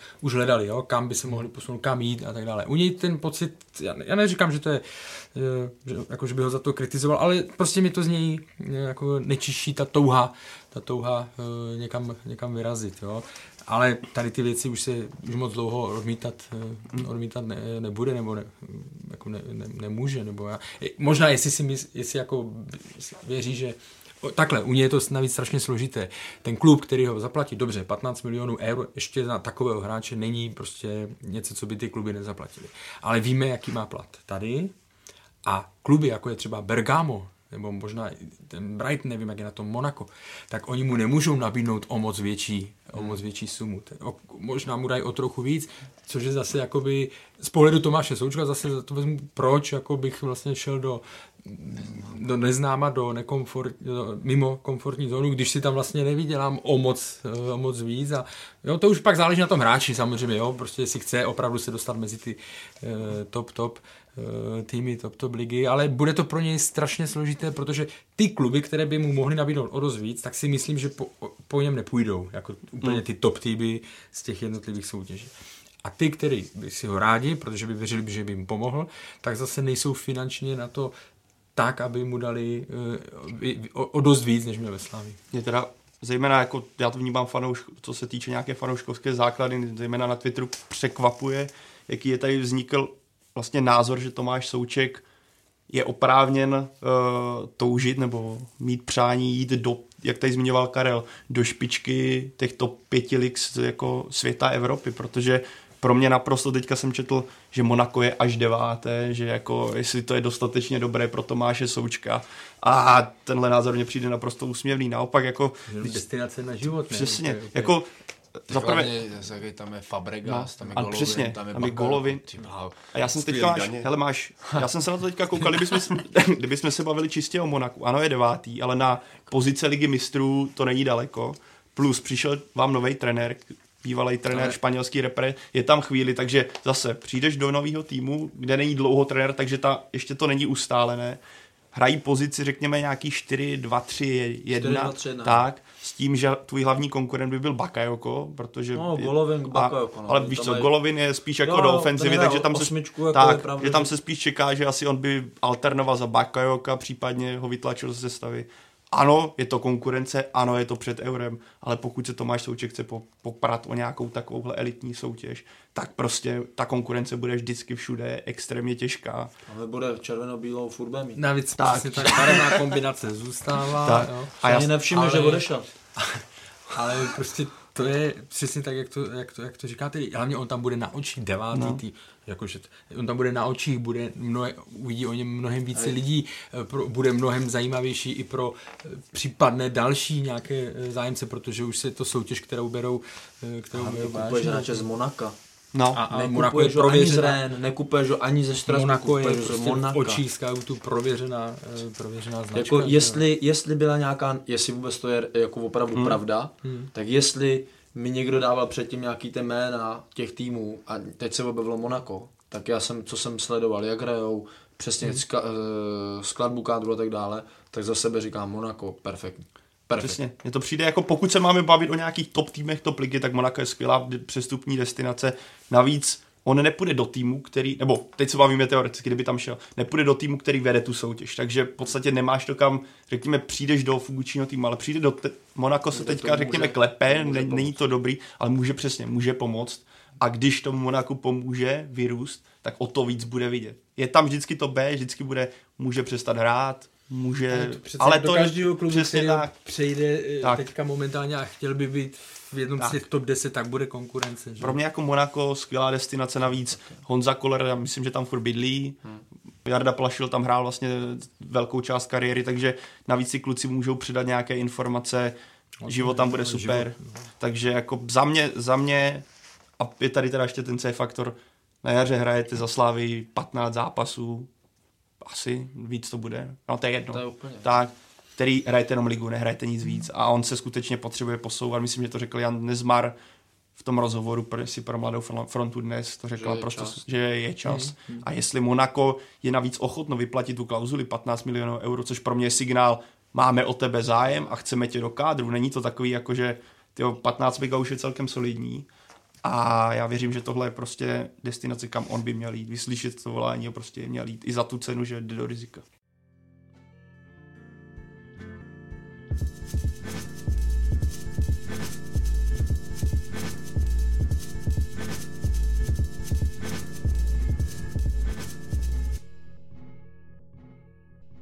V tomto dílu se podíváme ještě na dva další ligové týmy, ve kterých je přes zimní přestávku veselo. Nejprve to bude Baník a tohle téma rozebíral po telefonu kolega Hinek Roleček s redaktorem deníku Sport Michalem Kvasnicou. Michale, Baník se během přestávky rozhodl změnit trenéra a Bohumila Páníka nahradil Luboš Kozel.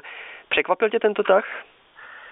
No svým způsobem ano, svým způsobem ne, ne protože e, ne, nepřekvapilo mě to z toho důvodu, že o nějaké trenerské změně se uvažovalo od léta. Už jsme o tom psali, Luboš Kozel byl poprvé osloven už v létě, tehdy, e, tehdy to však nedopadlo i z toho důvodu, že Bohumil Páník pak e, začal bodovat se svým týmem a navíc Luboš Kozel v tu dobu ho čekala kvalifikace s U, U19 reprezentací a podobně, takže se to nehodilo. Ale už naznačilo, naznačilo to něco, že se něco může dít.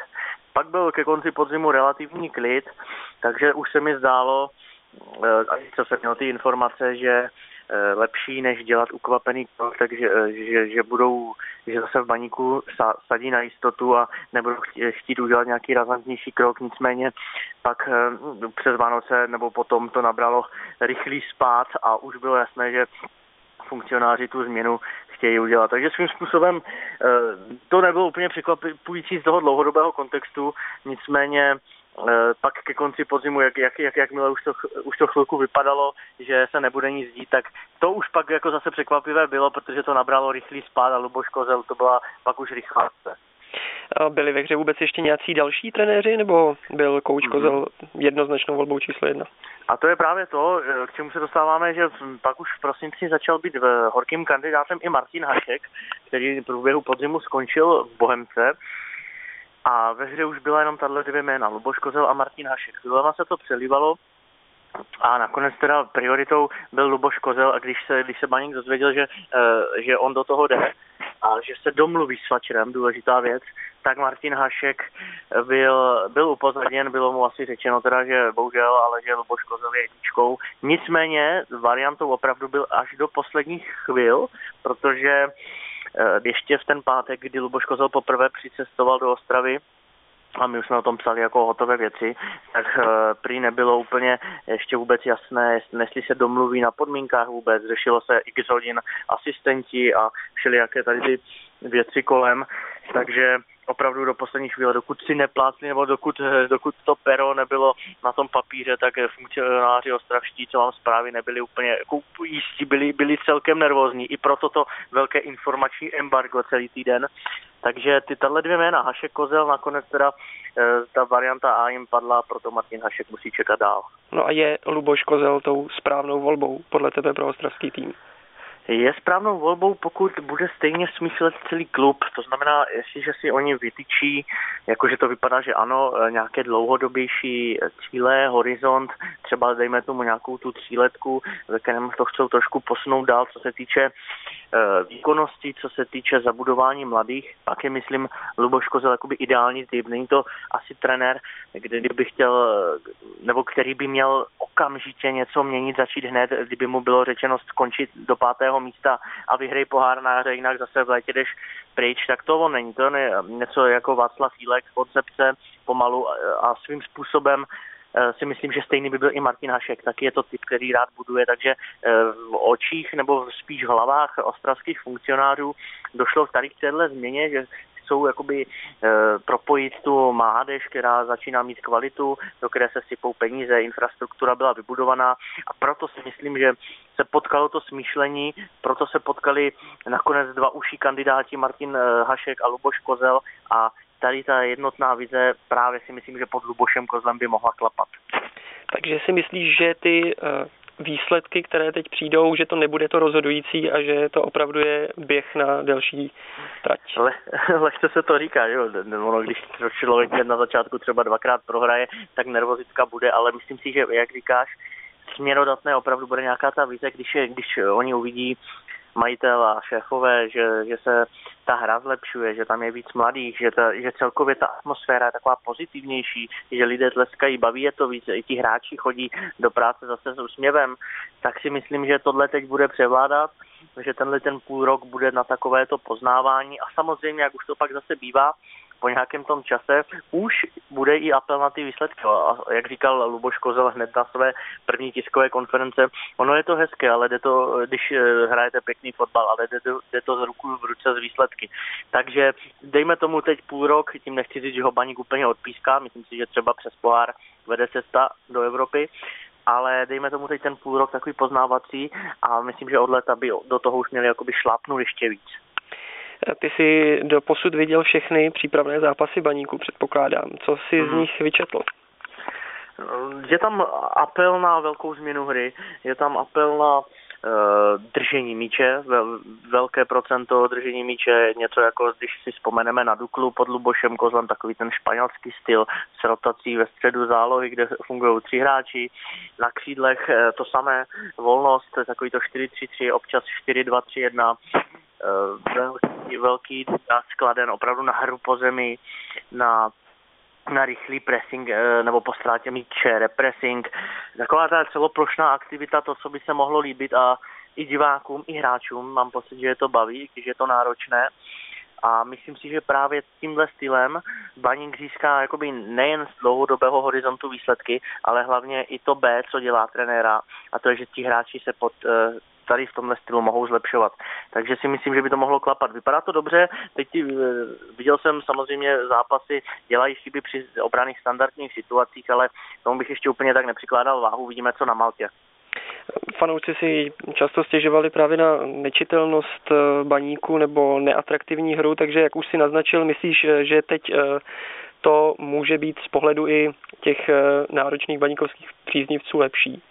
Myslím, že jo, myslím, že i, už i podle těch reakcí z těch prvních zápasů, i byť teda nedopadly všechny výsledkově dobře, tak se tleskalo, líbily ty akce. Opravdu tam je vidět, že to má hlavu a patu, že ti hráči, že ti hráči vědí, jak mají hrát z jednoho doteku, vědí, jak rych, eh, velký apel je na to, aby s největším počtu hráčů po rychlém, po rychlém zisku míče šlo nahoru. To se, to se hráčům líbí okamžitě do zakončení. Luboš Kozel zmiňoval nebo i Radek Slončík, jeho asistent. Jedna věc je hrát hezký kombinační fotbal, držet balon a eh, tak, takhle se to nějak hezky ťukat, ale potom druhá věc je efektivita a právě to chcou fanoušci vidět střelbu, chcou vidět góly, tak tady z tohohle pohledu si myslím, že by to mohlo být ono. No. To, záblesky tam jsou, je to takový pozitivní.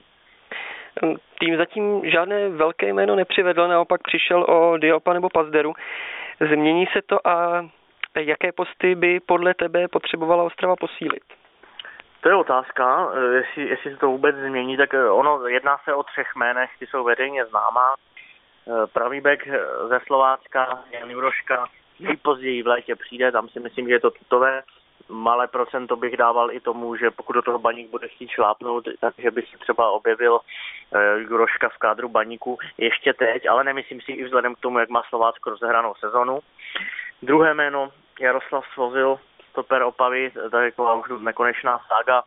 Řeší se výměna, hráčská náhrada, protože Opava potřebuje v bojích o záchranu prostě mít s kým hrát, už odešel Dominik Simerský, takže oni to neudělají bez hráčské náhrady, byť jejich finanční situace asi taky není úplně stoprocentní a nějaká lukrativní, tak eh, opravdu tam to závisí na Martinu Šindelářovi.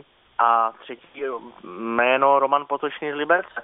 Taky znovu jedná se, ale že by to bylo tak, eh, jak se mě ptá, že jestli ty posily opravdu budou teď, tak si myslím, že takhle to vyloženě není, že by na to Luboš Kozel čeká. Ano, má o ně zájem, co mám, co mám informace, má zájem o všechny tři, eh, na tom, kde se s vedením zhodl, ale že by šli přes mrtvoli a baník to nějak jakoby přeplácel, hráče nebo tak nějak udělal pro to víc, takhle to řeknu. Kdyby chtěl enormně, tak už jsou ti hráči dávno v baníku.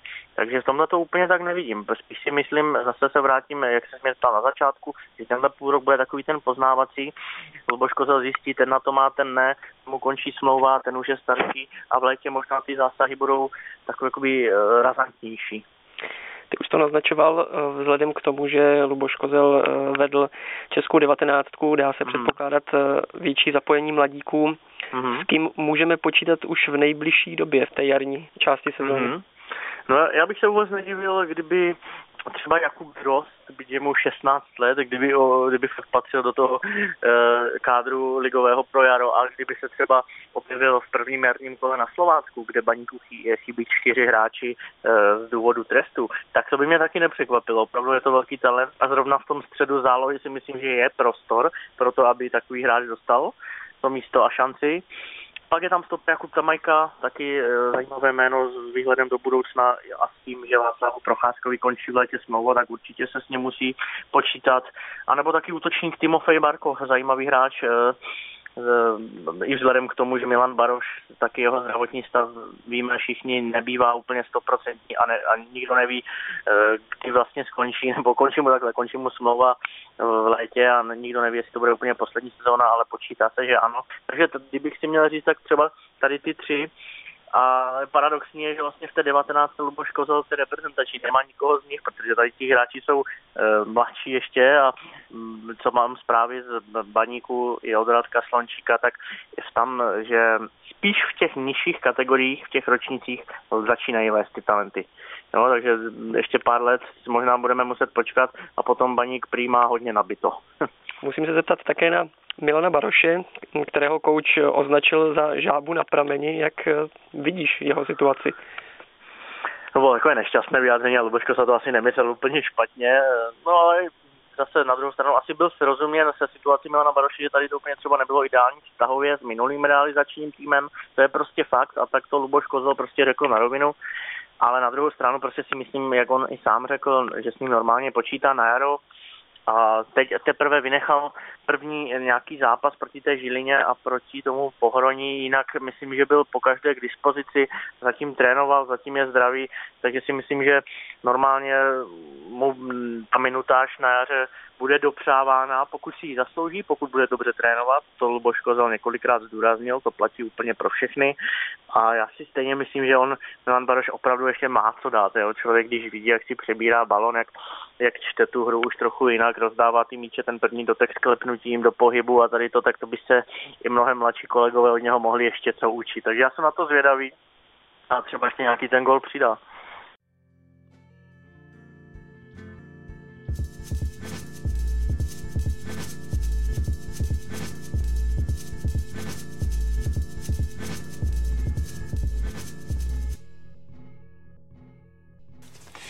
A Hinek řešil s Michalem taky situaci v Olomoucké Sigmě, kolem které panuje dosti zvláštní atmosféra. Michale, ty si Sigmu na Twitteru popsal jako hokejové pardubice. Proč?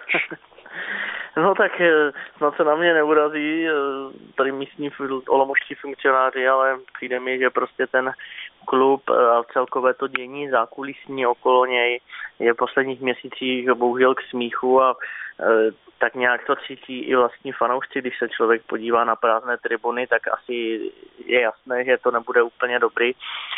Jedno s druhým, to s tím souvisí prostě pro mě nepochopitelné věci se dějí ze zhora, ale znovu, jak už jsem psal ve svém, ve svém blogu nebo pohledu v novinách, je to tím, že baník nemá transparentního jednoho majitele. Když jsme se před chvilkou bavili o baníku, tak tam je ta struktura jasně daná, Václav majitel a pod ním eh, je jeho vybraný tým eh, funkcionářů. Tady prostě do toho zasahuje město, je tam jakýsi spolek, eh, který, který když tady hodnotí nebo na těch schůzích se sejde představenstvo, ty dozorčí rada a podobně, tak prostě tady není dáno, nebo komu se má zodpovídat prostě ten sportovní úsek a podobně a s tím pak souvisí tady ty nepochopitelné tahy některých funkcionářů, manažerů, kteří si jednu dobu protiřečí, pak někoho prodají, pak neprodají, vyvrcholí to tím, že vrátí hráče vyřazeného z kádru zase zpátky a podobně. No, prostě takový cirkus mi to přijde teď. A jako je z toho smutno, protože Olomouc vždycky byl respektovaný klub, to zázemí je tady vynikající, odchovanci pořád lezou, pořád si myslím, že ta mládež vypadá dobře, ale tak nějak prostě celková atmosféra i ve městě a okolo není dobrá. Emoce vyvolalo v Signě hned několik momentů. Ten první je neodchod Václava Jemelky do Kazachstánu, který hmm. si postěžoval, že Olomouc porušila slib. Proč ho Hanáci nepustili a co to může s kabinou udělat? No manažer Ladislav Minář eh, eh, na to reagoval, že jediný, komu slíbil přestup ze zahraničí v tomhle zimním období byl Jakub Tošek, což se stalo, přestoupil do Maďarska, ale Václav Jemelka prostě eh, tím, jaký on je charakter, tak a tím chci říct, že je velmi dobrý charakter, je to kluk opravdu, který bezproblémový, a tak nějak počítal s tím, že to, co, za to, co on odvádí klubu, nevím, třetí sezónu, třetí, a za to, jak se dostal do širšího kádru reprezentace, jak ta jeho výkonnost rostla, tak si zaslouží podobné jednání. A z mého hlediska a i z, vlastně i z jeho, proto vyšel ten rozhovor, je to tak, že mu to není, že to, že mu to není dopřáno, jo? že klub jenom bere od něho ty služby, ale nevrací mu to zpátky. No a mám zprávy prostě, že Kazaši Kajrat Almaty opravdu tady byla nabídka milion euro a jestli ani tohle Sigmu neuspokojilo, tak je to při nejmenším zvláštní, takže se mu nedivím a uh, byť teda si můžeme myslet o východní štaci, co chceme, to já nesoudím a to, taky to možná ne, není ideální cesta, tak ta nabídka opravdu byla na stole a klub ji odmítnul a Václav Jemelka trénuje dál, no, to taky jsem zvědavý, jestli ho to poznamená nebo ne. A existuje ještě šance, že by Jemelka mohl přeci jenom ještě odejít? Já mám zprávy, že eh, Kajra Dalmaty ty své deadliny, co se týče posledního dnu jakési eh, vyjádření ze strany Olomoucké strany, několikrát posouval. To znamená, ten zájem byl opravdu velký. Nejdřív to mělo být hotové nějak kolem vánočních svátků, potom třetí leden, pátý leden, desátý leden, jenomže teď už máme druhou polovinu ledna a já si myslím, že to je hotovo. Byť samozřejmě ve fotbale nikdy neříkej, nikdy platí a co mám zprávy, tak trenér Kajratu, který působil i v Lipsku, tak byl s Jemelkou ještě nedávno v úzkém kontaktu. Opravdu tam zájem byl nejen ze strany vedení, ale tady i z realizačního týmu. O to víc byl hráč jako nahlodaný, koho by to netěšilo, kdyby mu po, po, posílal trenér zprávy, jak s ním počítá, jak to s ním vypadá, jak se má. Ale já si troufnu typnout teda, že na jaro zůstane, protože teď už je asi pochém. Zmínil si odchod Jakuba Pliška do Maďarska. Proč on mohl a Jemelka ne? Protože Váčku je asi díl, eh, o pár let, je, je o dva roky starší a tak nějak eh, znovu jsme u toho, že někdo si protiřečí a někdo ne, protože sportovní manažer Ladislav Minář sám řekl, že než tady držet prostě hráče, který uh, nechce tady být a chce jít dál, takže to je kontraproduktivní. Tak mu radši vyšel stříc, ale druhému stříc nevíde, jo, tak to je jako zvláštní. Nicméně jako plšek, tam už na něm bylo vidět, stejně jako na ostatních eh, těch 93, který, který tady jsou x let, takže už to, tu změnu potřebuje. Já si třeba myslím, že kdyby udělal už v létě, že už taky mohl, mohla za to mít Sigma lepší peníze a on mohl být v relativním lepší už psychické pohodě a mohl v tom novém týmu být od celou sezónu, což je vždycky lepší, ale co mám zprávy, tak i teď to rád za to změnu působiště.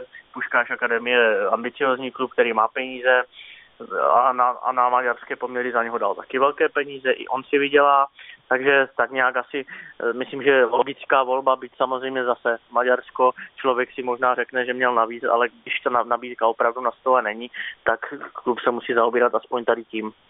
A neriskuje Sigma, když pustí nejlepšího střelce? To je otázka a dobrá, protože si myslím, že teď tam není, nevidím tam žádného hráče, který by byl schopen dát třeba pět gólů na jaře a to je problém. Sigma má sice 25 bodů, pokud se nemýlím, ale opravdu Martin Nešpor zraněný na celé jaro, Jakub Junis ten se trápí střelecky, nula gólů zatím v sezóně, čeká na něho už skoro rok. Další vepředu Mojmír chytil mladík, který teprve začíná.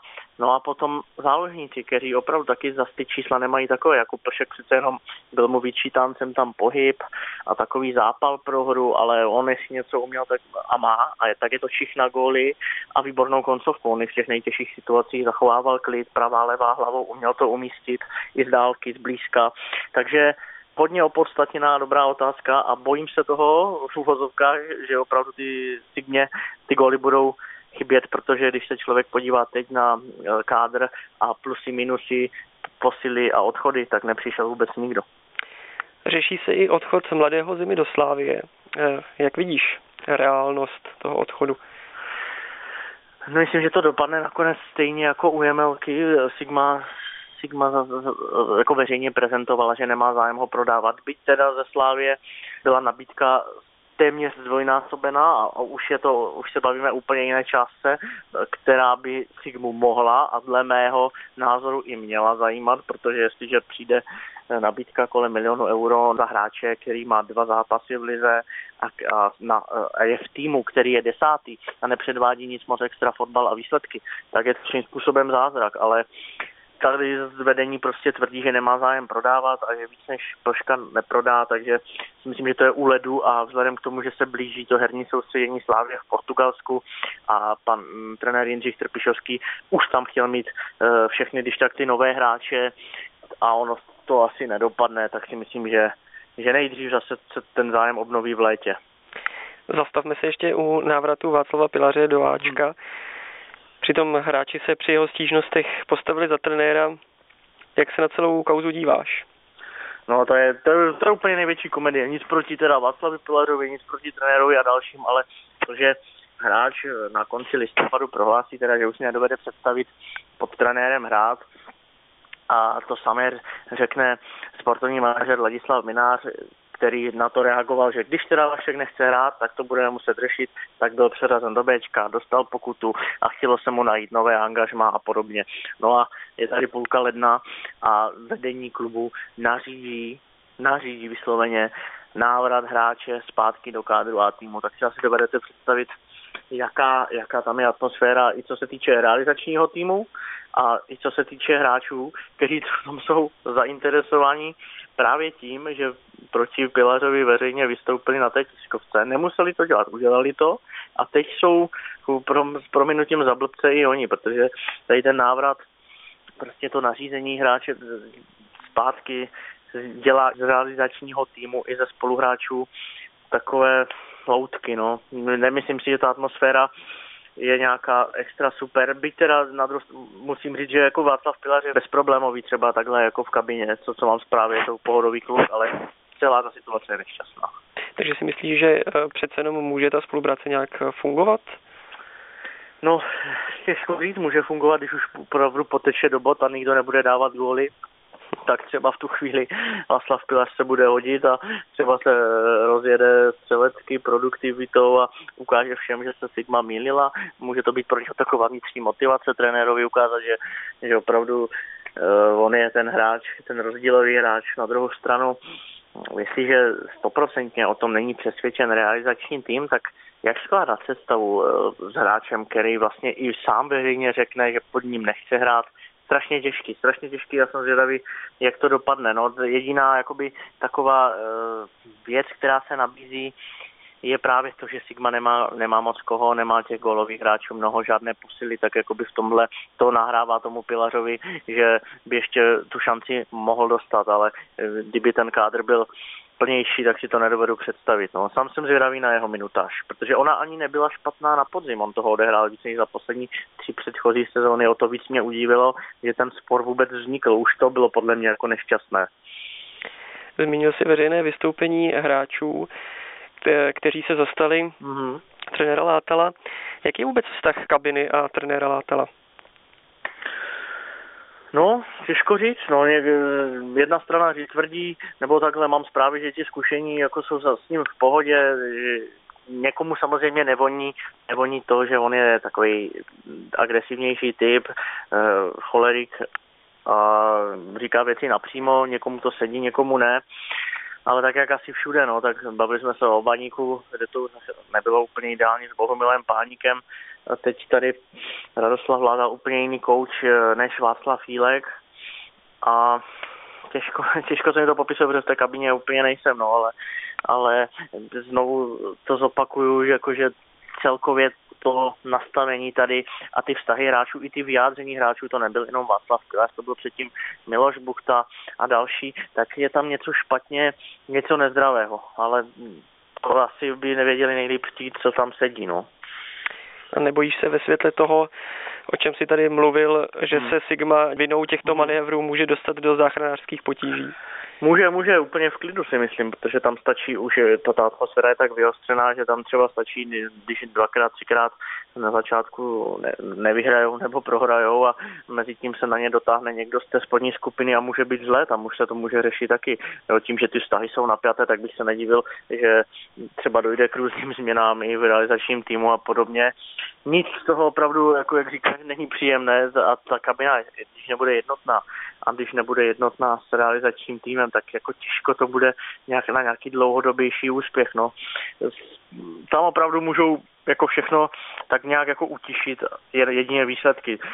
Když budou výsledky a bude nějaká trošku lepší hra, tak si myslím, že fanoušci zapomenou na tady ten trochu na ten cirkus, co tady je, ale jestliže se jim nebude dařit od prvního kola, tak to bohužel jako dostanou všichni sežrat dvojnásob. No. Byť teda třeba hráči a trenér tady v tomhle jsou nevinně a tady ty některé rozhodnutí dělají uh, lidé z hora, tak si myslím, že to tady může hodně zhousnout a nemusí to dopadnout dobře. Rozhodně, jako ta otázka tvoje opodstatněná, tam to, ne, není to tak úplně, že by nemohli zahučet, protože opravdu cítím takovou jako negativní atmosféru kolem všeho a v tom se špatně pracuje.